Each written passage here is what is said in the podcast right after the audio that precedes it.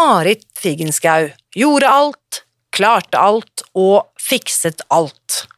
Helt til kroppen sa stopp. Nå skriver hun om hva som kan skje når vi ikke lytter til vår egen kropp.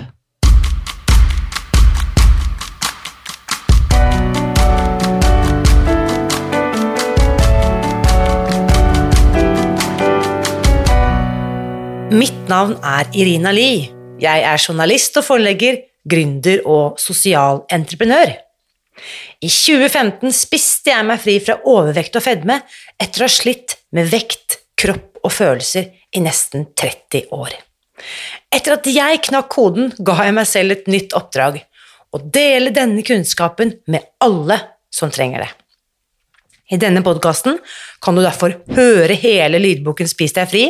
Den finner du ved å bla deg tilbake i arkivet og lytte til første sesong. Hver uke inviterer jeg nå gjester som gir deg påfyll til hodet, hjertet og magen. For min visjon er å endre Helse-Norge, og det får jeg ikke til alene. Du bidrar ved å abonnere på podkasten, skrive en omtale i iTunes og tipse meg om hvem jeg burde invitere hit. Da setter vi i gang med ukens episode. Hva feiler det oss egentlig? Det spørsmålet stilte forfatter og foredragsholder Marit Figenschou i en artikkel jeg leste nylig. Og det spørsmålet gjorde meg så nysgjerrig at jeg bare måtte invitere henne hit til podkasten. Samtalen du skal høre i dag, vil kanskje gjøre at du sitter igjen med flere spørsmål enn svar. Da tenker jeg at Marit og jeg har bidratt med noe viktig. For jeg tror nemlig at nysgjerrighet, og særlig det å være nysgjerrig på meg selv og mine egne strategier, det er den viktigste drivkraften for at jeg skal kunne få det bedre. Og før du skal få møte Marit, så vil jeg bare ta med en tilbakemelding fra en lytter som kaller seg Titoro, som har skrevet følgende omtale av podkasten Spis deg fri i iTunes. Titoro skriver Takket være Spis deg fri og Irina Lie gikk jeg ned all min overvekt. Hadde aldri klart det uten dette kostholdet. Anbefales sterkt. I tillegg er det mange interessante og lærerike samtaler Irina har med dem som deltar i podkasten. Tusen takk for en fantastisk podkast. Og da må jeg bare si tusen takk i like måte. Takk for en fantastisk eh, hyggelig omtale til Toro. Og så håper jeg at uh, dette kan inspirere andre som har funnet noe som funker for dem gjennom denne podkasten, til å gjøre det samme. Gå inn på iTunes, legg igjen fem stjerner og skriv gjerne en omtale. Da bidrar du til at andre kan finne frem til den viktige kunnskapen vi deler her. Som bringer oss frem til ukens episode. Her er ukens gjest. Kjære Marit, velkommen til podkasten. Tusen takk. Og det som er så spesielt gledelig i dag, er at jeg ikke bare ser deg på en Zoom-skjerm, men du sitter her liksom i levende live i rommet sammen med meg. Det er jeg alltid veldig glad for. Veldig hyggelig å være her. Veldig fint. Vi har jo ikke møtt hverandre før, men jeg har altså lest noen av tekstene dine på internett etter at en eh, god venninne og kollega sendte meg en eh, artikkel, eller et blogginnlegg, som du skrev for ikke lenge siden, som jeg vet har vært veldig mye lest og veldig mye delt. Og um, det skal vi snakke mye om. Det, jeg må bare lese tittelen på det blogginnlegget, som er da 'Si nei, eller ellers gjør kroppen det for oss'. Ja, og det var jo et blogginnlegg, men det har også vært uh, publisert i tidsskriftet Harvest ja. Magazine. Ja. Og i Harvest så var det en av de mest leste artiklene, eller kanskje den mest leste artikkelen. Ja, da den kom ut, så var den det. Nå vet jeg ikke hvor den er, men jeg vet at den er blitt veldig mye lest og delt, og har fått uh, mange hyggelige tilbakemeldinger på ja. den. Mm. Så, men før vi kommer til teksten din og det som på en måte opptar deg, du, vi må snakke litt om bakgrunnen din, for du har jo en kjempespennende og veldig, hva skal vi si, Mangefasettert, allsidig bakgrunn. Fortell litt om deg selv, Marit. Ja, altså, Ta kortversjonen, så eh, er jeg jo en voksen dame. Jeg er pensjonist, så jeg har uh, tid til å sitte og skrive også på dagtid. Uh, men så har jeg vokst opp i vakre Lyngen i Troms. der er det ganske fint. Der er det vakkert. Ja, der er det vakkert, og der er det sånn at eh, fjellene går rett fra havet til himmelen. Mm. Veldig, veldig flott, og der vokste jeg opp. Og så flytta jeg derfra for når man måtte begynne på eh, videregående. Og så har jeg bare vært ute i verden siden. Ja. Um, jeg jobba i forlag, jobba i Cappelen Dam, siste jobben jeg hadde, og så jobba jeg i Storebrand, og jobba i SAS, og jobba litt forskjellig rundt forbi. Og så statsviter av bakgrunn. Og så har, ble jeg sjuk i um, 1998 første gang. Da fikk jeg en eh, ganske egentlig lett eh, kreftdiagnose. Man kan kanskje ikke si at kreftdiagnose er lett, men det var en sånn forstadiekreft. Men da klikka jeg nesten. Jeg syntes det var så skummelt. Eh, og, for jeg hadde veldig dårlige erfaringer med at når folk fikk en sånn kreftdiagnose, så dør man. Altså, Det er rett og slett. Det er Mm. liksom, Først får du diagnosen, og så sitter du og venter, og så dør du, og så blir du liksom Mm. er det begravelse. Liksom, det var Jeg har veldig mye av sånn historikk i, i, bak meg, og så jeg tenkte at nå er det min tur. Og så, så ble jeg faktisk så redd at jeg egentlig fra å ha veldig høyt tempo i hverdagen og springe rundt og jobbe mye og trene mye og være flink og aldri si nei og sånn, så, så bare øka jeg tempoet ytterligere, for jeg, var, jeg tenkte at nå, nå, nå må jeg liksom Jeg var så Det var nesten så jeg skulle sprenge fra den, sant? Ja. Ja, Så det var en mestringsstrategi å bare liksom sånn- gønne på enda ja, mer? Å, fy flate, det der, her, det måtte jeg bare prøve å holde litt på avstand. Jeg måtte Mm. ikke liksom nå meg igjen da, på et vis.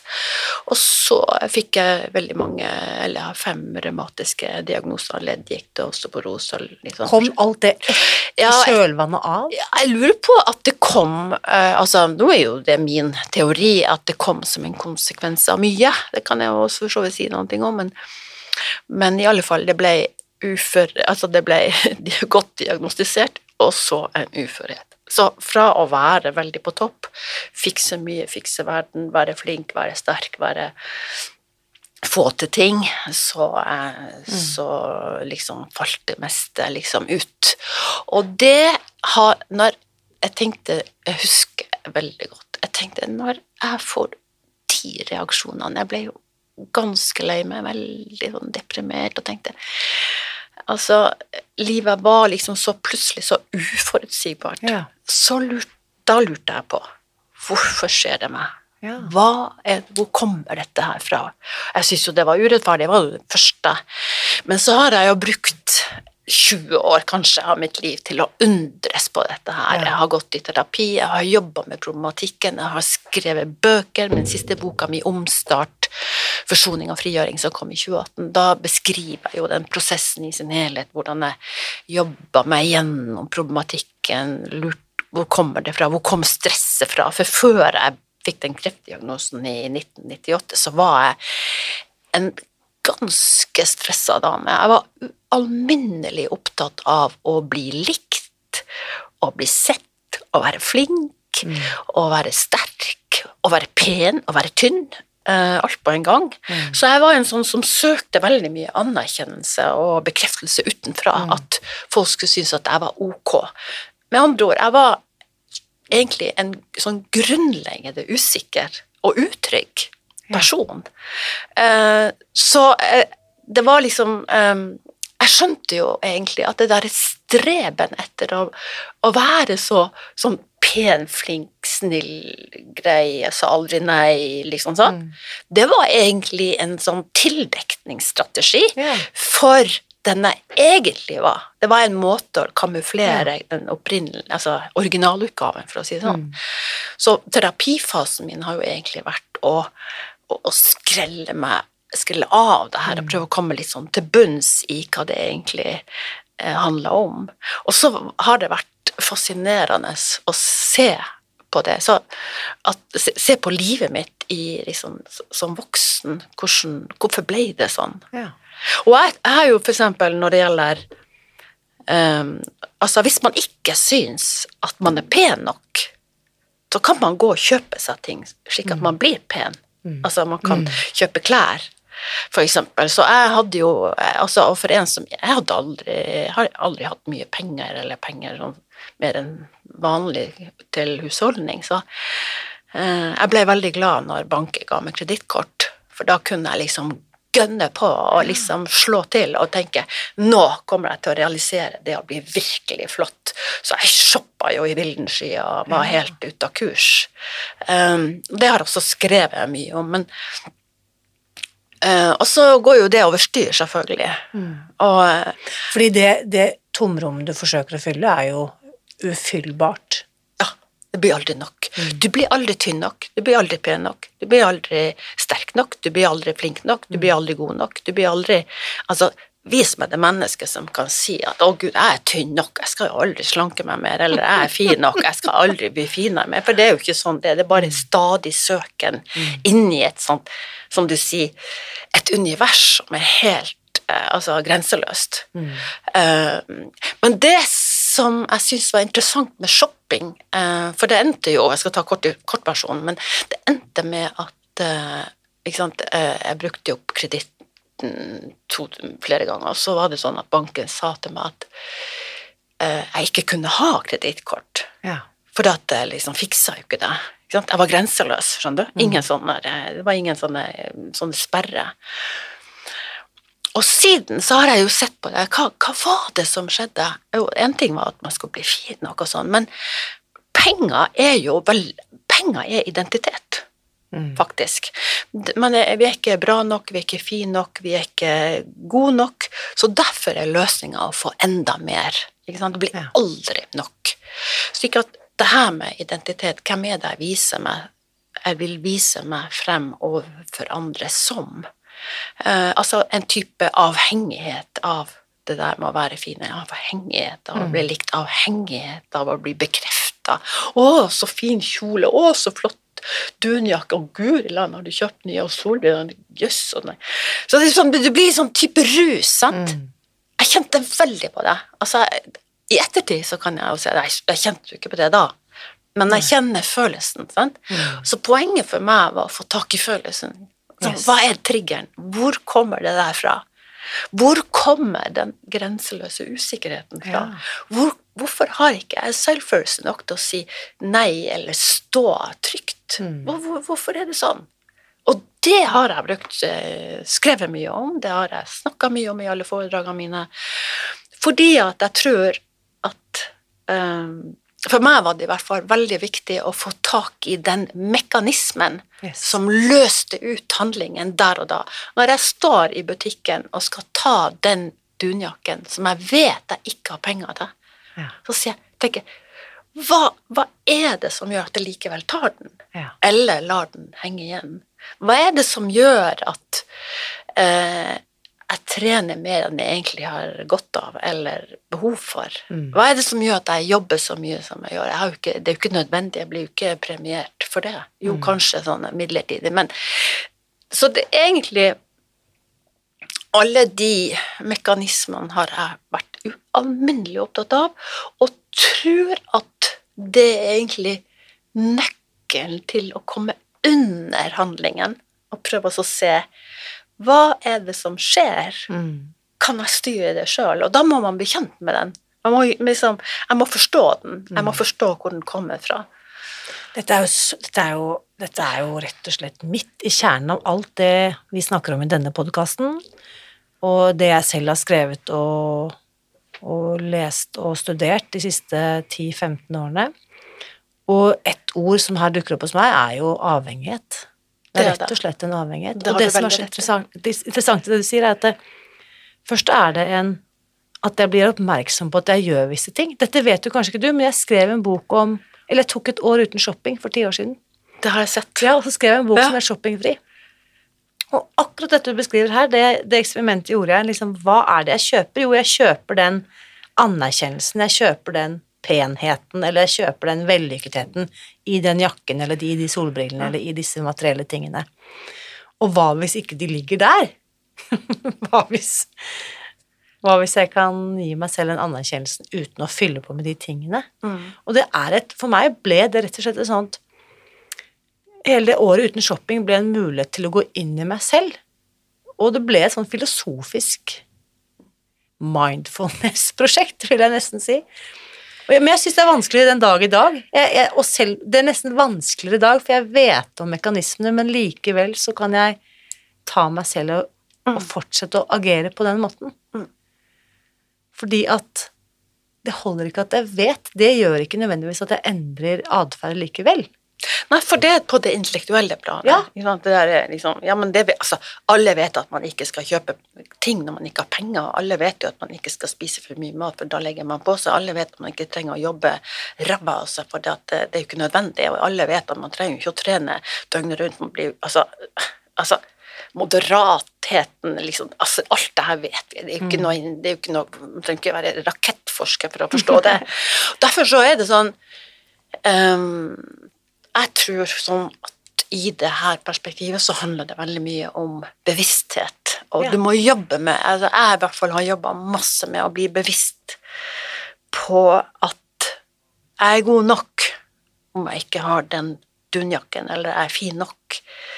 Og det er en lang, lang, lang prosess, for det nytter ikke heller å si det altså, høyt. Altså, jeg sto mange ganger foran speilet og sa 'Å, gud, hvor fin du er nå', men jeg var jo ikke fin inni hodet mitt. Altså, så, altså, det blir sånn det som kalles sånn type eh, samtidens råd, liksom sånn 'Å ja, men dette klarer du, og dette er ikke problem for deg, og du som har alt, og du som, du som får til alt', og, og liksom, du må tenke positivt, dette går, og sånn type eh, liksom sånn Det her er liksom altså sånn eh, enkle budskapet som vi gir hverandre fra tid til annen for å liksom oppmuntre og prøve å få folk på glid og få folk til å eh, ja, klare situasjoner.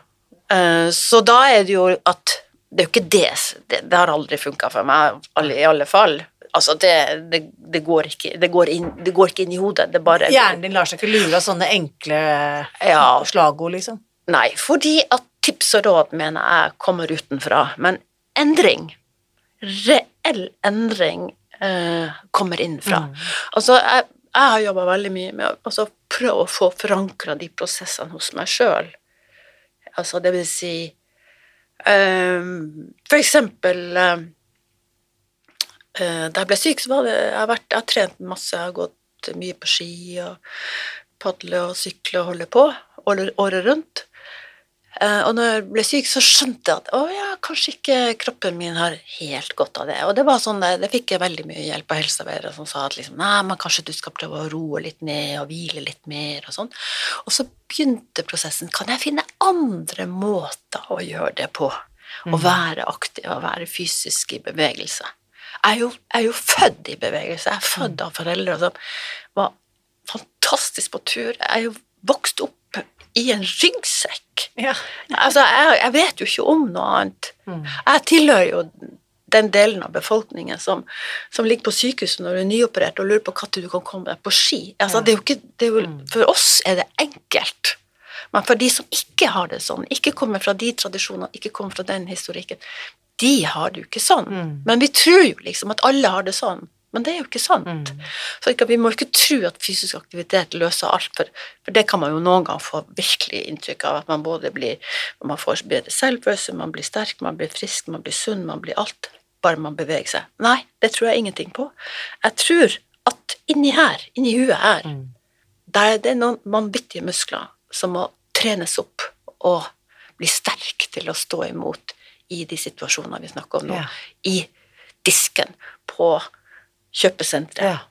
Da skal den muskelen slå inn og si nei, det gjør du ikke. Mm. Og jeg, tror, og jeg har jo jobba mye med det som jeg kaller emosjonell mestring.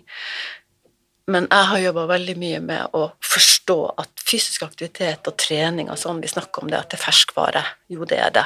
Men like fullt er det som er inni her, vårt eget navigasjonssystem, følelsene våre, må vi få tak i.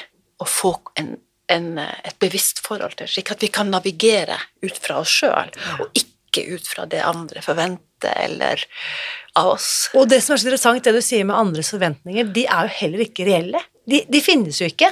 De forventningene eksisterer jo ikke noe annet sted enn i vårt eget hode. Det jeg forestiller meg om at andre forventer av meg. Det er helt riktig. Og jeg tror at eh, eh, La oss si eh, eh, Av og til snakker jeg om eh, i foredragene mine om Vi snakka om eh, penger i sted, men hvis du tar ut penger, så setter du jula. Altså, jula er jo ikke altså, Jula er også en identitet. Altså, det er jo ikke jula det er noe i veien med, men hvordan vi forholder oss til jula. Hvordan, hvordan, hvordan vi greier å spinne opp og bruke penger vi ikke har, og, og, og sette i gang svære arrangement som vi overhodet ikke er i stand til. Vi er helt utslitt når vi kommer til jul. Mm. Det her med identitet er jo også en sånn driver eh, altså på at vi må finne ut hvem, hvem, vil, vi, hvem vil vi være? Altså, mm. Hvordan skal vi bli oppfatta, slik som du sjøl Altså få tak i hvem du sjøl er i mm. de situasjonene. Jeg er bare nysgjerrig og håper det er greit at jeg spør Ser du, fordi det har jeg sett i mitt eget liv, jeg kutter ut et eller annet og blir veldig disiplinert på et eller annet område, så er det som om måte, avhengigheten min, eller grenseløsheten min, forflytter seg til et annet segment av livet, da, som jeg ikke nødvendigvis kobler. Eh, og jeg har hørt veldig mange andre si noe tilsvarende at så blir vi veldig rigide og flinke, eller hva det måtte være rundt mat, og så plutselig tyter det ut som shopping, eksempel. Eller at vi blir treningsnarkomane, eller vi blir ikke sant, grenseløse i møte med relasjoner, eller har, har, du sett noen sånn rød tråd hos deg? Hvordan det Du nevner jo mange ulike arenaer av livet ditt hvor du, hvor du beskriver det som grenseløshet, men har du sett noen rød tråd? Jeg tror den røde tråden er det som du innleder på veldig fint, nemlig det med avhengighet. Og hvorfor, er den ytre altså Nå snakker jeg ikke om min egen, men den ytre avhengigheten. Altså på de ulike elementene, om det er shopping eller mat eller klær eller uh, jobb eller trening eller sånn. Vi har jo Jeg syns jo faktisk at vi har på mange måter Nå kan det være at jeg hopper litt, men et ganske sånn destruktivt forhold til de tingene. Altså, vi er sånn, på, på, trening så er det jo liksom sånn grenseløst hvor mye vi skal trene, mm. og hvordan vi skal trene, og hvor mye, mange intervaller. Men det, det er liksom ikke er, er, det best bra for meg, eller er det ikke bra for ja, meg? Nettopp. Så jeg tror jo at vi blir jo veldig sånn ytre pepra med veldig mange eh, gode råd om hvordan vi skal gjøre ting. For mitt vedkommende så har det egentlig bunna i at jeg måtte fra å være, som jeg sa, usikker, utrygg, og faktisk uten særlig selvfølelse, en veldig lav selvfølelse. Jeg trodde ingenting, at jeg var god nok. Jeg trodde aldri at jeg var Altså, det der med at du Jeg trodde at jeg var egentlig et ganske elendig menneske full av dårlig samvittighet, og jeg var veldig sånn redd for å skuffe noen. Og, mm. Hvis, tenker, folk hadde virkelig visst hvordan jeg var, så ville de skjønt at jeg på en måte ikke ja, var mm. Og jeg tenker sånn, også sånn slik at For meg har det handla om å bygge opp en selvfølelse som gjør at jeg kan stole på at de valgene jeg gjør, de er knallgode. Mm. Ikke sant? Og hvis vi tar akkurat det her med å si nei, altså, som, man, som man må gjøre overfor seg sjøl, enten man gjør det overfor venner, eller man gjør det i forhold til en høytid, eller man gjør det i forhold til shopping, så handler det veldig mye om, syns jeg, at vi glemmer å se at eh, Å si nei handler ikke om å si nei, men det handler om at vi er redd for å skuffe noen. Vi er redd for og Vi får dårlig samvittighet. Mm. Og vi, altså, vi, skuffer andre, og vi har eh, Altså, det ligger forventninger. Så jeg bruker å si at eh, hvis man skal begynne å trene sant, på det å si nei, så kan det være én ting man må være helt krystalls... Eh, altså være veldig sånn åpen på, og, eller sånn, og forberedt på. Det er at du kommer til å skuffe noen. Ja. Selvfølgelig kommer det til å skuffe noen, mm. men da bruker jeg å si er det ditt ansvar. Og for, altså, du, må du ta ansvar for andres skuffelse. Det er lettere å skuffe deg sjøl enn å skuffe andre. Mm. Og dermed så handler det om å trekke liksom, For meg, det jeg har jobba med i terapi i 25 år, er å prøve å trekke aktivitet og den der situasjonen til meg sjøl, og prøve å vurdere den uavhengig. Jeg har jo gjort uh, Det er stadig at jeg booker for mye og må avlyse ting og sånn. Jeg, jeg, har også sett at mine venner eller ven, venner blir skuffa, men det er ikke mitt ansvar. Mm. Kan, og jeg har aldri mista en venn på det. Du, dette, dette, du sier her, dette er bare så viktig. Dette burde være sånn uh, pensum for voksne. Spol tilbake og hør dette Marit forteller oss en gang til. Og jeg opplever at når jeg sier Når jeg lar være å si nei, så sier jeg nei til meg selv, ikke sant. Ja. Og det er akkurat det at eh, et, hvis et nei til andre betyr ja til meg selv, så jeg tenker jeg at det er en kjempeviktig prioritering. Ja, og så er det sånn eh, eh, Som jeg har jobba med i, i terapi, også sånn at man klarer det ikke hele tida. Og så er det noen gang Å, steike, der gikk det Der glapp det, ikke sant? Mm. Nå sa jeg ja til noen ting, og jeg har ikke liksom sett helheten, og jeg kjenner at dette blir ikke bra. Her er det kanskje folk jeg ikke kommer til å få det bra sammen med, eller det liksom sånn, skjønner Man gjør masse vurderinger i det. Og så tenker jeg ja, men det er lov å angre. Altså, Yes. vi har angrefrist, vi òg. Ikke sant? Så kan vi si at å, gå tilbake og si at du, det gikk litt fort. Jeg er faktisk nødt til å si Ja. nei. Men eh, så er det jo ikke slik at livet er svart-hvitt, og at liksom ting går på skinner. Jeg tryner ganske ofte. Det er derfor jeg sier at en ting er de fysiske musklene som vi har i kroppen, som vi kan alt om, og vi, som vi, vi eh, driver og herjer med hverandre om, og hvor mange styrkeøvelser vi har gjort i hist og pist. Det syns jeg er helt fint. Men inni hodet her ligger det noen muskler du er nødt til å trene på hver dag. Det kan være i forhold til nedlatende blikk- en nedlatende kommentar, en, eh, en avtale, en oppgave på jobben, venner? Hele tida må prøve å, å grense opp, slik at du holder energien hos deg sjøl. Og så igjen, jeg mener jo ikke det sånn her i, i liksom sånn Å, nå skal man gå ut i verden og, og være egoist. Det er ikke det det handler om. Det handler om å være bevisst. Yes. Slik at du gjør valg. Og det å si nei kan man gjøre på en veldig vennlig og hyggelig måte, og uten at det verken sår eller Yes.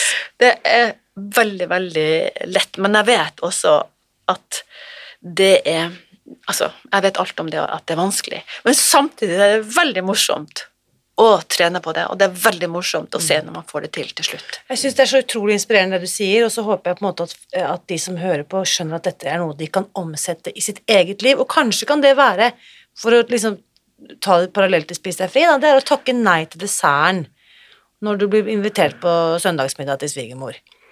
Det kan, være en, det kan være en arena hvor jeg kan begynne å øve meg på å takke nei til de kakene, for jeg vet at jeg har det bedre hvis jeg lar være å spise de.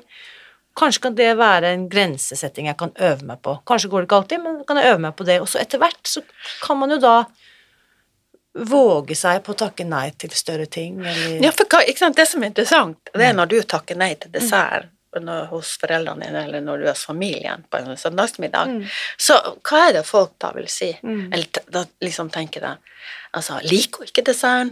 Om nå har laga dårlig dessert. Mm. Altså, så kan fantasien begynne å gå. Og da kan man si at du, det er ikke for at eh, jeg, jeg syns du har laga en knalldessert. Jeg vil ikke eh, Det har ingenting med desserten å gjøre. Mm. Men jeg har ikke godt av det, og, og jeg velger bare å stå over. Ja. Kanskje jeg kan ta en skje og se liksom, er det nok? Eller sånn, skjønner du? Mm. Jeg tror bare at, at uh, Jeg er liksom også litt sånn redd for mange ganger at For dette er et stort tema, stort, stort tema stor, ja, og, og det har mange fasetter i seg. Jeg tror bare at kanskje man skal tenke på at at, eh, at man skal ta én liten bit Yes. ut av fryseren, tine den opp og se på den, og så skal man ikke tømme hele fryseren på en gang. Altså, skjønner du?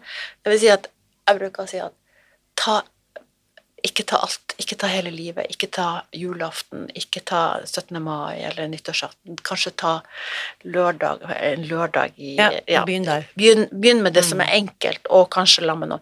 Og så, så syns jeg det var fint det du sa, at eh, kanskje man kan gå sammen to og to, og så kan man begynne å trene på det, og så prøve å se hva er det som dukker opp. Altså, Hva var det slags følelser som kom? Var det dårlig samvittighet? Eller var det liksom det der blikket til den personen som bare sånn Å, herregud, skal hun liksom være så innmari egoistisk, og liksom hun skal ikke være med på det heller? ikke sant? Så jeg tror bare Men prøv å skape den der litt åpninga opp på hva det er som skjer. For når man får, det, får et forhold til det, og skjønner det universet, så er det mye lettere. For det at jo, jo, hun kan bli veldig skuffa eller sende nedlatende blikk, men det handler ikke om meg. Det handler ikke om meg. Det handler absolutt ikke Og la om meg. det ligge hos avsender. Og, og da, eh, da blir jo jeg nysgjerrig. er kan vi liksom, Hvis vi liksom graver og skreller dypt nok og bakover langt nok i tid, handler alt om barndom? Jeg har jo eh, Nei, det vet jeg jo ikke, altså. Jeg, men altså, jeg har jo, jeg har jo tenkt Jeg har jo jobba mye med min barndom. Ik- Ikke bare for å forstå den, altså, eller huske den og historie og sånn, men jeg har vært veldig interessert i å finne ut hvem var jeg oppi de, alle de Ja. situasjonene. Um, for jeg lærte veldig, veldig fort uh, noen ting som, som ble mine styrker i voksen alder. Jeg ble veldig Mora og faren min opplevde noe veldig alvorlig. De mistet et barn og i en trafikkulykke, og så kommer jeg til, og så er de i veldig sorg, og det her er på 50-tallet. De, de er veldig fortvila, og i en tid hvor vi ikke har språk for det her, vi, liksom, vi snakker ikke om det, føler seg noe vanskelig og greier og sånn. Ikke krisepsykiatri, ingenting. Liksom, de satt der veldig, veldig alene om det. Men jeg ble veldig sånn ans...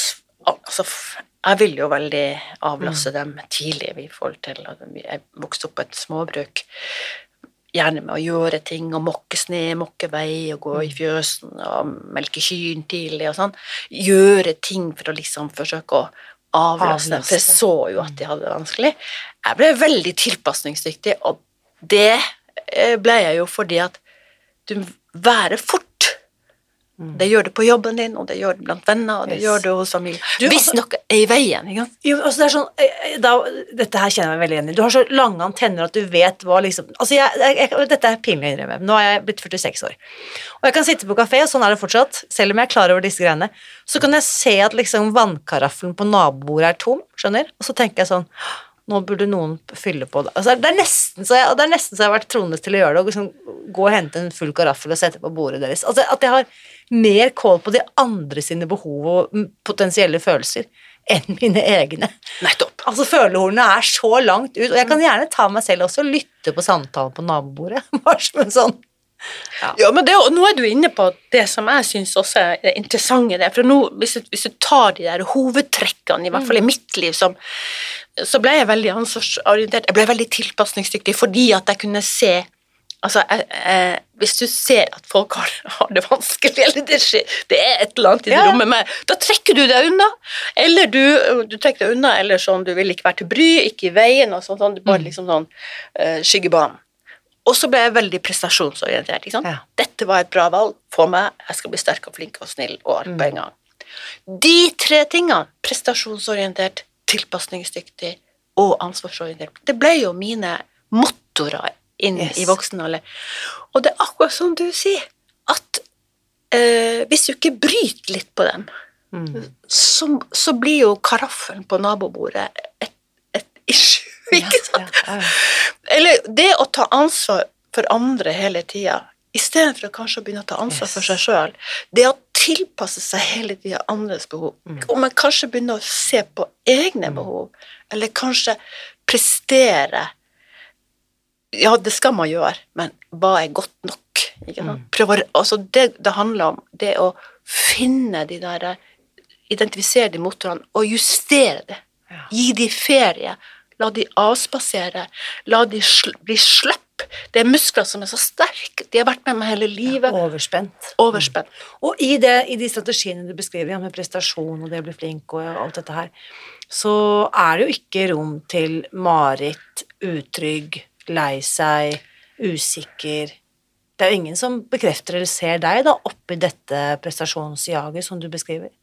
Ja, og så er jeg jo så gammel, ikke sant, at vi snakker om 50-60-tallet. Det er jo liksom så lenge siden at vi hadde ikke språk for det. Vi håndterte ikke Nei. den type ting. Og sånn var det jo ofte da, i hele landet. Det, eller blant folk flest. Jeg vet ikke, sikkert mange har hatt et eh, bevisst forhold til det, men vi hadde ikke det. Nei. Slik at eh, det med språk har jo kommet noe sånn litt seinere. At vi har begynt å bli bevisst på at det her ligger det, her ligger det noen, noen greier, noen ting som vi må få et forhold til. Ja. Og det å navigere på egne premisser handler jo om å få tak i de følelsene og, og styre på de, Mm. som også skrev i den siste artikkelen, Ja. at uh, vi må Dette er jo Hvis ikke vi får uh, justert uh, styrken i de der mønstrene, så, så, så sliter vi oss ut. Mm. Ikke sant, rett og slett. I den artikkelen som, som folk kan lese ved å søke på 'Si nei, ellers gjør kroppen det for, for oss', anbefales på det varmeste. Der skriver du også om en annen traumatisk hendelse fra oppveksten, når faren din dør når du er 16. Ja. Og så skriver du en setning her som er i, i, forlengelse av det du snakker om nå. 17 år gammel og overtrent i fortrengnings- og tilpasningsstrategier. Det syns jeg på en måte er veldig godt oppsummert. Det var på en måte eh, de eh, spisskompetansen, den spisskompetansen du hadde tatt med deg. ja. Mm. Og det syns jeg, og, og eh, jeg syns det Altså, det har jo Det å være så ansvarsbevisst, tilpasningsdyktig og prestasjonsorientert som jeg var, og sånn, overtrent og offensiv som jeg dro ut i verden, så det klarte. Jeg tror, jeg tror ikke jeg har gjort en sånn veldig dårlig jobb rundt forbi, men jeg hadde jo øh, men, men det er klart at det har Det var ikke særlig kontakt innover og mm. liksom sånn at jeg kunne liksom kjenne etter om man følte på ting liksom, det, her, det her kjennes ikke riktig ut, men liksom sånn ok, liksom Ikke bry deg, sier folk nå. Ikke sant? Mm. Ikke bry deg. Det, det, bare se bort fra det hvis det kommer en sånn hendelse. Mm. Mens egentlig det er ikke bare å se bort fra det, det gjør inntrykk, Mm. og det setter seg. Det setter seg i kroppen. Ja. Og det er jo det du skriver om eh, så utrolig godt i denne artikkelen. Du har, du har eh, eh, tenkt mange tanker selv, men her har du også referert veldig mye til forskningen og det andre veldig mange fremstående psykologer og leger har skrevet før oss, holdt jeg på å si. Og en av de du har referert til i denne artikkelen, er jo eh, Gabor Maté, som sikkert er et kjent navn for mange. Kanadisk lege. Og han øh, ja, han har skrevet veldig mye om avhengighet også. Det har vært min inngang til Gabor Maté. Hvordan, hvordan, øh, hva ved hans arbeid er det Hvordan er det du fant han? Jeg fant han i en bok som heter, som heter nesten det samme som uh, tittelen på artikkelen. Den heter 'Når, når vi ikke hva står det på, på den? Når vi ikke sier nei, gjør kroppen det for oss. Ja, jeg lurer på at det er det som er tittelen. Mm. Eh, og jeg leste den boka når den kom. Eh, eller det, det gjorde jeg kanskje ikke, men jeg gjorde, leste den etterpå. Jeg syns han, han, egentlig, han egentlig satte ord på sånn som det egentlig var. Og han snakker jo mye om stress. Han snakker veldig mye også om det indre stresset. Altså, En ting er jo stress som vi altså, Vi snakker om stress som at eh, 'Å, jeg er så stressa, jeg har så mye å gjøre'. og Sånn. Ja, liksom, det er jo én ting. Det er jo egentlig lett sånn sett å, å skyve til sides. Men det indre stresset, det at um, Enten om det er traume eller altså overgrep, eller om Jeg har ikke opplevd noe sånt, men, men det er jo forska, uh, forska på det. Anna Louise Kirkenge, som jeg også refererer til, har jo forska på sammenhenger mellom barn som har vokst opp i, um, med seksuelle overgrep, eh, rus og vold, ikke sant? at det blir uh, At det setter Setter seg i kroppen, og det blir med videre. Og det, hvis ikke det her blir bufra, så blir det en, en Altså, da spiser det opp egentlig Mm. den reserven du har Mm. til å bygge opp god helse. Så bryter det ned. Men jeg tenker at vi har mange, om ikke det er rus, vold og overgrep, så har man jo liksom andre typer ting. Vi har jo, jeg har jo latt meg øh, bli Altså, jeg har jo fulgt med de her historien om mobbing i skolen. Ja. Eksempel, eller mobbing på jobben. Altså, det er jo mange heftige saker, også i voksen alder, som eh, folk bærer på.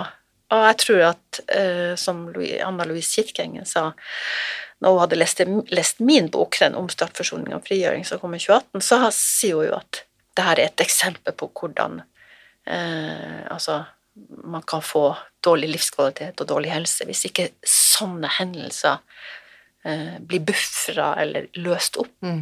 åpna opp, eller altså justert. Ja. Og hvis det, det er jo det jeg tenker at eh, mange har jo et forhold til barndom som at ja, det skal man liksom ikke snakke om, og jeg var også i veldig, veldig mange år flau over det. Altså, jeg tenkte herregud, altså, jeg kan ikke snakke om det. Mm. Det var også noen ting med å utlevere meg sjøl på en sånn litt Ja, det var, det var litt sånn litt for voldsomt. Men jeg tenker at ehm, man kan jo si man kan, Vi har alle livshendelser, om det er et samlivsbrudd eller, eh, eller hva det er. Så har vi jo Eller vi mister en som står nær, eller vi altså, blir skilt, sjuk, alt. Og det er jo sånne type hendelser som jeg tenker at det må man Man må liksom øh, få en omstart på livet etterpå, for at det her er liksom Det griper inn i alt. Ja. Og jeg tror at øh, Jeg husker jo når jeg ble syk, så var det noen som sa at ja, men Marit, det her kommer du til å klare så fint. Du som har klart alt. Altså, jeg kjenner jo noen som Du skulle ha sett dem har kommet seg så fort. Og jeg fikk jo prestasjonsangst med en gang. ikke sant? det jo sant. at, man, at det forventes liksom at man tar alt likt. Mm. Men det gjør man jo ikke. Mm. Ja, men, man men eh, vi er jo veldig forskjellige. Altså Derfor så tror jeg heller ikke på sånne universelle løsninger på ting. For at vi har forskjellige historier, vi har forskjellig bakgrunn, vi kommer fra forskjellige plasser, vi har forskjellige familier og sånn. Så jeg, liksom, jeg, liksom, jeg tenker at eh, jo, det kan treffe noen, men det treffer ikke alle. Mm. For det som ligger i bunnen, det er at ingen av oss er født stressa. Ingen av oss er Mm. født eh, eh, ja, stressa. Altså, det kommer fra et sted. Mm. Det er noen ting som har skjedd underveis. Og det du refererer til på Gabor her også, det øh, som han skriver, at følelser og stress forårsaker sykdom, og at det, det indre stresset, det kommer også nettopp av at, det, at vi tilpasser oss andre. Ja. Men da, dette er jo, eh, ikke sant, jeg har drevet med yoga i veldig mange år, og der snakker vi om at the issues are in the tissues. Så når vi åpner kroppen, altså rent fysisk gjennom ulike asanas eller øvelser, så kommer vi jo veldig ofte i kontakt med de følelsene vi har lagret, enten det er i leggene eller hamstrings eller i brystmuskulaturen. Vi har liksom gått og liksom, vi har beskyttet oss, ikke sant. Krøpet sammen. Det er veldig interessant å kjenne etter hvordan ting rent fysisk sitter fast i kroppen. Men at det heller ikke er noe Det er ikke dette kan være dynamisk, da. Det trenger ikke å være Selv om det har stagnert, så kan det løses opp i. Absolutt! Jeg har jo en fantastisk eh, eh, kiropraktor som har gått hos. Ja. Jakob Lote heter han. Han er også med i boka mi. Eh, også psyk eh, psyk psykoterapeuten i boka mi. De er også med. Der har jeg jobba med kroppen min. Hvor kommer de skadene fra? Hvor kommer eh, stram nakke og stiv hofte og alt dette her? Så i 14-15 år har vi jobba med det. Og prøve å komme også på det fysiske plan. Få Yes. tak i liksom gamle ting som er lagt der. Og for kroppen husker, sant? som du opplever yoga, og som jeg også opplever med yoga, som er så fantastisk fint. Det at, at man prøver å finne tilbake det, til den Det kroppen en gang var, på et vis en sånn, en sånn, en sånn eh, Et uttrykk som eh, kroppen har hatt, men hvor historier og livet og livshendelser har på en måte forma oss. Yes. Og det, det, det ser jeg jo, at eh, Så mye, mye bedre og friere kroppen min har blitt fordi at jeg går hos han. Og hvor også med, psyko, med terapi hos Astrid Hognestad, hvor mye fri jeg blir. Og det handler veldig mye om, apropos det å jobbe med sånne type ting, temaer, Kan? det handler også om at det ligger masse energi i det. Det ligger masse ressurser i det. Men hvis du ikke jobber med, jobber med det, så, så blir du litt bundet. Mm. Så her handler det om å få åpna ventilen. yes. Lufte ut litt. Lufte ut. Jeg hadde aldri skrevet en tekst eller en bok eller to bøker som jeg har gjort, hvis ikke jeg hadde gått i terapi og skjønt at jeg sitter jo på ressurser som jeg ikke trodde jeg hadde. Jeg visste ikke det at jeg kunne skrive. Jeg, trodde det var bare Roy Jacobsen og Herbjørn Wassmo som kunne skrive. Og jeg sa til terapeuten min jeg kan jo ikke skrive, for hun sa at jeg burde begynne å skrive. Og så sa jeg, men det kan jeg jo ikke, for jeg har to i norsk på gymnaset. Det går jo ikke. Og så sier hun Og jeg er noen fra ungdomsskolen. Det går jo ikke an å skrive da, jeg kan jo ikke det. Og da sier hun å ja, du må være så flink. Og så begynner man, og så ser man at her ligger det jo kanskje en spire. Du har skrevet to bøker. eh, Den siste som du snakket om, det var Omstart. Eh, Og så har du også skrevet en bok som heter Til Sydpolen ingen bragd. Jepp. Fordi jeg, jeg har liksom, Når jeg tenker på, tenker på deg, så får jeg sånn toppidrettsutøverassosiasjoner. Nei, jeg er jo ikke det, men, eh, men, men den tittelen er veldig eh, bevisst valgt. Ja. Fordi at Jo, én ting som vi snakker om. én ting å trene seg opp fysisk og bli sterk og få store muskler og Mm. st- sterke lår og sterk rygg og gå langt og gå høyt. Trekke dekk i Nordmarka, tenker jeg på det. Ja, det kan jeg. også. det, altså, det syns jo jeg egentlig, i forhold til det vi snakker om nå, de indre prosessene Når jeg sier ingen bragd, så er det for at det vi snakker om nå, Det er det. det er hardt arbeid, og det er ikke gjort sånn. Det er gjort over Det må du bruke lang tid på. Og derfor sier jeg at ja, én ting er det, det synes jeg det er fantastisk å stå på polpunktet, men jeg syns jo det arbeidet jeg har lagt ned i akkurat det vi snakker om nå, det syns jeg har vært vel så eh, både utfordrende og, spennende spennende og en, virkelig en oppdagelse og en opplevelse. Indre eventyr. Vi snakker jo om det, at eh, den lengste halvmeteren i verden, den går fra hjernen til hjertet. Det Det- syns jeg var fint. Jo, det er en veldig spennende oppdagelsesreise. Mm. En slags indre topptur.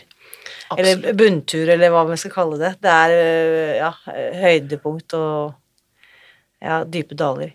Men eh, disse bøkene kan jeg finne i bokhandelen. Det kan du finne på Hvis du tar kontakt med meg, bare gå på nettsida mi helsyk.no, så ligger det en bestillingslenke der. Det er kjempe, det var bra vi fikk med oss. Heltsykt.no. Der finner du også artikkelen som vi refererte til i dag, som eh, jeg også skal legge ut på Facebook-siden vår. Si nei, ellers gjør kroppen det for oss.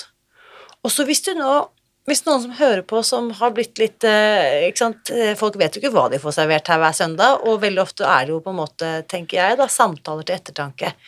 Hva er det du, Hvis noen føler seg litt overveldet nå, eller kjenner at dette er, her ligger det ting jeg burde, skulle, kunne tatt tak i, hvor kan vi starte, Marit? Hva er, det, hva er det første vi kan gjøre, eller hva slags tips har du? Jeg tror, jeg tror en, eh, en forutsetning for å eh, gå i gang, det er som du sier, det man må være nysgjerrig. Man må ville, uh, ville finne ut av ting. Sånn som i mitt tilfelle så kjente jeg gikk i mange år og kjente på en uro. Jeg, var ikke, jeg følte ikke at jeg, var- jeg ba- jeg bare flaksa rundt, liksom. Så jeg tror først å være nysgjerrig. Og så, det aller beste tipset jeg kan gi, det er å finne en god venn. Ja. Og en god venn som kan lytte. Fordi at det å lytte, det er vi veldig dårlige på. Jeg husker jeg hadde en venninne som sa til meg at Marit, eh, jeg orker ikke å fortelle noe til deg som er viktig i mitt liv, for du hører ikke etter. Ah, Du ser på klokka, du tar telefonen, du himler med øynene, og du, du viser med hele deg at du er bare uinteressert. Det jeg forteller deg nå, har ingen interesse. Og det var min første sånn port inn på at å, å, å fortelle ting man brenner for, eller er opptatt av, eller nysgjerrig på i eget liv, det er en du tror kan lytte. Ja. en du stoler på, vil sitte ned og ikke komme med all verdens tips og råd. Ring den, gjør sånn, slik. Det, det han, for meg handler å lytte om å anerkjenne Mm. den personen der den personen er. Mm. Og da må du gå til den personen. Slik at folk som, Hvis folk er interessert, så må det jo være å finne en person som de stoler på, som vil lytte Mm. og ta deg på alvor. Intenst og skikkelig. Ikke, men lytte handler ikke om å komme med masse råd, det er helt uinteressant, men anerkjenne at 'Å, så fint at du ville dele'. 'Å, så bra at du inviterte meg til å være med på det'. Har du lyst til å snakke mer om det, så vil jeg veldig gjerne høre. Mm. Altså, du ser den genuine eh, interessen for det. For det å ikke bli lytta til, det er et nytt overgrep. Det å bli avvist, det å bli oversett, det å ikke bli tatt på alvor, det å bli avfeid ved å se på klokka eller himle med øynene eller ta telefon, det gjør man ikke når folk vil fortelle noe. Vet du, det kjente jeg gikk rett inn, og jeg skal også bli en enda bedre lytter. For det kjenner jeg er så verdifullt, å få, å få muligheten til å bli lyttet til. Så det var kjempefint. Takk for den påminnelsen, og tusen takk for at du ville være med her. Det har vært en stor glede. Tusen takk for at jeg fikk komme. Nå lurer jeg på, hva er din takeaway etter å ha hørt min samtale med Marit i dag? Refleksjonene og spørsmålene og undringene etter ukens episode fortsetter i den åpne Facebook-gruppen Spis deg fri, så bli med over dit og skriv noen ord om hva du sitter igjen med etter å ha hørt denne samtalen. Og så har jeg fått noen spørsmål om boklanseringen som vi skal ha i forbindelse med lanseringen av eh, Susens tredje bok, Restart, som jeg nevnte i forrige uke. Det er fortsatt plasser igjen, og du kan melde deg på ved å gå til spisdegfri.no fest. Boken lanseres altså på Villa Malla på Filtvet søndag 12. juni. Og siden det er midt i den første sommermåneden, så kombinerer vi denne lanseringsfesten med en storstilt sommerfest for Spis deg fri. Og noe jeg faktisk ikke har fortalt eh, til noen tidligere, og som jeg selv fant ut ved en tilfeldighet litt eh, tidligere i år, det er at akkurat den datoen, 12. juni, så er det nøyaktig ti år siden jeg stiftet forlaget mitt, Skriptor AS. Og det kan jeg jo ikke la forbigå oss i stillhet, så på denne festen skal vi også markere tiårsjubileet for verdens beste forlag, som har gitt ut verdens viktigste bøker på norsk. Med andre ord, denne festen vil du ikke gå glipp av, du melder deg på ved å gå til spisdegfri.no fest. Og siden denne festen er åpen for alle, du trenger ikke ha gått på kurs eller vært med i kursgruppen, du, trenger ikke ha hørt på denne podkasten heller, for den saks skyld, uansett så er du hjertelig velkommen, uansett hvor lenge du har visst om eller fulgt Spis deg fri. Kanskje er du bare nysgjerrig på å se hva slags mat du kan spise når du følger dette opplegget? Da er denne festen et perfekt sted å starte, for du skal selvsagt få servert mat på denne festen, og lunsjen på Villa Malla er helt skreddersydd for alle oss som ønsker å spise god, ren, fargerik, ekte mat uten sukker og mel. Det får du her. Og så kan jeg bare si av erfaring at på sånne arrangementer som dette, så kommer du til å møte så mange mennesker som har gjort sine egne erfaringer med Spis deg fri, og som gjerne deler sin kunnskap med deg. Dermed blir disse arrangementene også en møteplass for kollektiv kunnskapsdeling, som jeg ofte snakker om. Mitt ønske er jo å gjøre denne kunnskapen og disse verktøyene tilgjengelig for alle som trenger dem. Og så er det også et poeng da, at underveis på denne reisen vår så er det viktig at vi innimellom stopper opp og feirer alle våre store og små seire underveis. Så det håper jeg du også vil være med å gjøre denne dagen, søndag 12. juni. Du melder deg på ved å gå til spisdegfri.no fest. Tips gjerne også en venn eller kollega eller søster eller mor. Så lenge vi har plasser igjen, så er alle hjertelig velkommen. Husk også, uansett hvordan du velger å feire den innsatsen du gjør for deg selv, så vit at jeg heier på deg. Alltid.